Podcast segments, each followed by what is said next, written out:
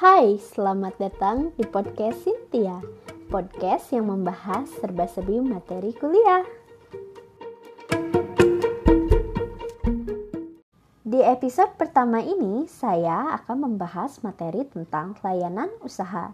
Kira-kira apa sih yang dimaksud dengan layanan usaha? Simak baik-baik penjelasannya di podcastku yuk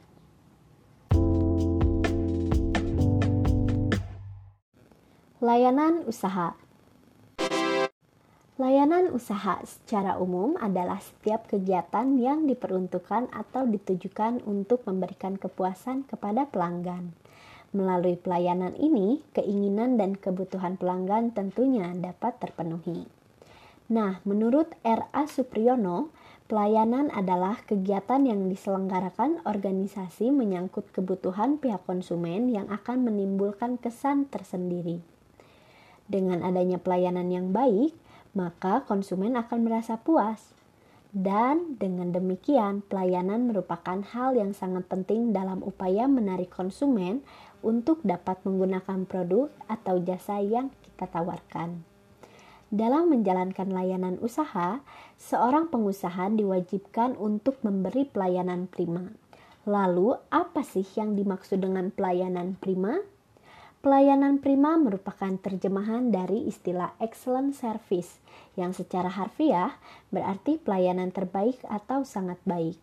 Disebut sangat baik atau terbaik karena sesuai dengan standar pelayanan yang berlaku atau standar yang dimiliki instansi pemberi pelayanan membahas tentang pelayanan usaha rasanya nggak afdol nih kalau kita nggak bahas tentang karakteristik, tujuan, manfaat, dan tentunya fungsi dari pelayanan usaha. Sekarang mari kita bahas satu-satu yuk. Yay! Oke nih, yang pertama ada karakteristik pelayanan usaha. Apa aja sih karakteristik pelayanan usaha? Menurut Norman, pada tahun 1991, Karakteristik pelayanan usaha ada tiga, yaitu yang pertama, pelayanan bersifat tidak dapat diraba. Yang kedua, pelayanan pada kenyataannya terdiri dari tindakan nyata dan merupakan pengaruh yang bersifat tindakan sosial. Dan yang terakhir, kegiatan produksi dan konsumsi dalam pelayanan tidak dapat dipisahkan secara nyata. Itu karena pada umumnya terjadi dalam waktu dan tempat yang bersamaan. Lalu selanjutnya ada tujuan pelayanan usaha. Tujuan pelayanan usaha antara lain yang pertama, untuk memberikan pelayanan yang dapat memenuhi dan memuaskan pelanggan atau masyarakat serta memberikan fokus pelayanan kepada pelanggan. Yang kedua, pelayanan pada sektor bisnis berorientasi pada profit atau keuntungan. Dan yang ketiga, bagi perusahaan, Pelayanan prima bertujuan terhadap kelangsungan hidup perusahaan. Apabila pelayanan yang diberikan tidak memuaskan, tentu saja hal ini dapat mengecewakan pelanggan. Kalau tadi kita membahas tujuan, sekarang kita akan lanjut membahas tentang fungsi dan manfaat dari pelayanan usaha. Apa aja ya fungsi serta manfaatnya? Fungsi pelayanan usaha antara lain yang pertama, untuk melayani pelanggan dengan ramah, tepat, dan cepat sehingga pelanggan akan merasa puas. Yang kedua, untuk menciptakan suasana di mana konsumen merasa diperhatikan dan tentunya dianggap sangat penting bagi perusahaan. Yang ketiga, untuk menciptakan pangsa pasar yang lebih baik lagi terhadap produk ataupun jasa yang dijual oleh perusahaan. Yang keempat, untuk memuaskan pelanggan supaya tetap menggunakan produk maupun jasa perusahaan. Dan yang kelima, untuk menempatkan para pelanggan sebagai mitra bisnis perusahaan. Selanjutnya yaitu manfaat. Manfaat pelayanan usaha ada tiga, yaitu yang pertama, peningkatan kualitas pelayanan. Yang kedua, kelangsungan hidup perusahaan. Jika perusahaan tidak memberikan pelayanan yang terbaik atau excellent service, maka tentu saja pelanggan akan berpaling kepada perusahaan lain. Yang ketiga, atau yang terakhir, memberikan kepuasan tersendiri bagi konsumen. Setelah tadi kita bahas karakteristik, tujuan, manfaat, dan tentunya fungsi dari pelayanan usaha, sekarang kita akan membahas konsep, determinan kualitas pelayanan usaha, dan tentunya jenis-jenis serta contoh penerapan pelayanan usaha. Berbicara tentang konsep, pelayanan usaha memiliki tiga konsep dasar, yaitu yang pertama, konsep sikap atau attitude. Sikap yang harus dimiliki oleh pemberi layanan usaha di antaranya yaitu sikap yang ramah, penuh perhatian, dan tentunya memiliki rasa bangga terhadap perusahaan. Diharapkan para pegawai pada suatu perusahaan harus mencerminkan perusahaan itu sendiri. Karena pada sejatinya para pegawai yang melayani konsumen akan pula mencerminkan citra pada suatu perusahaan tersebut. Yang kedua, konsep perhatian atau attention. Saat melakukan pelayanan kepada konsumen, maka kita perlu memperhatikan dan mencermati keinginan konsumen jika konsumen sudah menunjukkan niat untuk membeli suatu barang atau jasa yang telah kita tawarkan, maka kita harus segera melayani dan menawarkan bantuan kepada yang kepada konsumen atau kepada dia yang memerlukan bantuan kita sehingga konsumen merasa diperhatikan dan tentunya keinginannya dapat terpenuhi.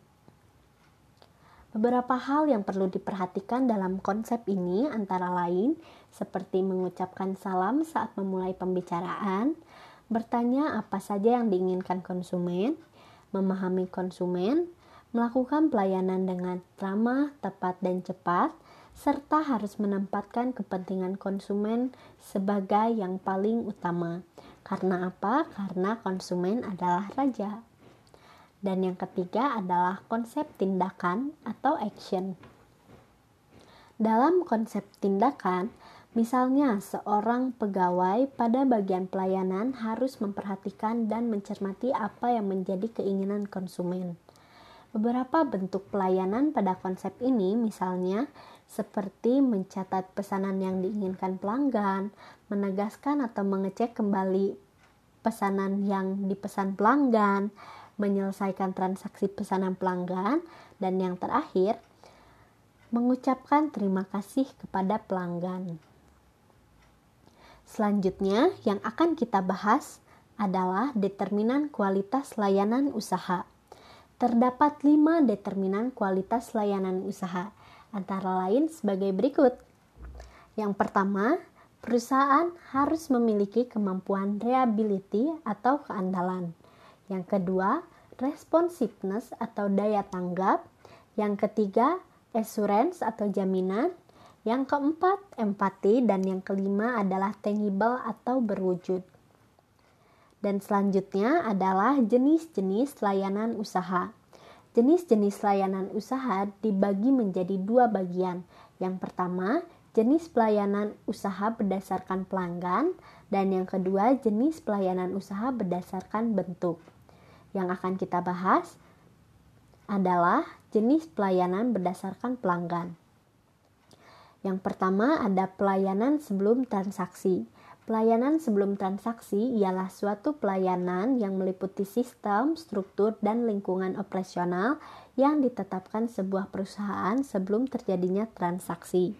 Yang kedua, pelayanan saat transaksi. Pelayanan ini dapat dirasakan oleh pelanggan selama proses transaksi. Yang ketiga, pelayanan setelah transaksi. Pelayanan ini dapat dinikmati pelanggan setelah transaksi selesai. Pelayanan pada konteks ini mengacu kepada keakuratan dan ketepatan waktu dalam penyelesaian produk layanan. Yang kedua yang akan kita bahas adalah jenis pelayanan berdasarkan bentuk. Yang pertama ada layanan dalam bentuk lisan. Layanan ini biasanya dilakukan oleh petugas-petugas di bidang hubungan masyarakat, bidang pelayanan informasi, dan bidang-bidang lain yang tugasnya memberikan penjelasan atau keterangan kepada siapa pun yang memerlukan. Yang kedua adalah layanan melalui tulisan. Pada dasarnya, layanan dalam bentuk tulisan dapat memuaskan pihak yang dilayani. Satu hal yang harus diperhatikan dalam layanan ini adalah faktor kecepatan, baik dalam pengolahan masalah maupun dalam proses penyelesaian, seperti pengetikan, penandatanganan, dan tentunya pengiriman kepada yang bersangkutan. Yang ketiga adalah layanan yang berbentuk perbuatan. Pelayanan yang berbentuk perbuatan 70 hingga 80 persennya dilakukan oleh petugas-petugas tingkat menengah dan tingkat bawah. Nah, oleh karena itu, faktor-faktor keahlian dan keterampilan mereka saat bertugas sangat menentukan terhadap hasil perbuatan dan hasil pekerjaan suatu perusahaan. Dan yang terakhir adalah contoh penerapan layanan usaha. Layanan usaha dapat diterapkan contohnya di supermarket atau retail, bank, restoran, dan yang lain. Biasanya kita akan disambut oleh pegawai pemberi layanan, lalu kita akan ditanya dan dibantu oleh pegawai tentang produk apa yang kita butuhkan. Setelah selesai memilih produk, kita akan dibantu dalam pengecekan produk dan apabila merasa sudah cukup, kita harus membayar dan apabila ingin membayar, maka yang terakhir kita akan dibantu dalam pelayanan pembayarannya. Dan setelah itu kita akan mendapatkan ucapan terima kasih dari pemberi layanan. Nah, seperti itulah contoh penerapan dari pemberian pelayanan usaha.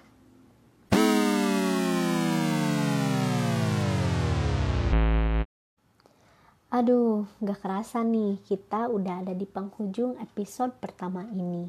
Semoga apa yang aku sampaikan dapat didengar dan diterima dengan baik oleh kalian ya. Terima kasih karena sudah mendengarkan podcast ini. See you on my next podcast. Bye bye.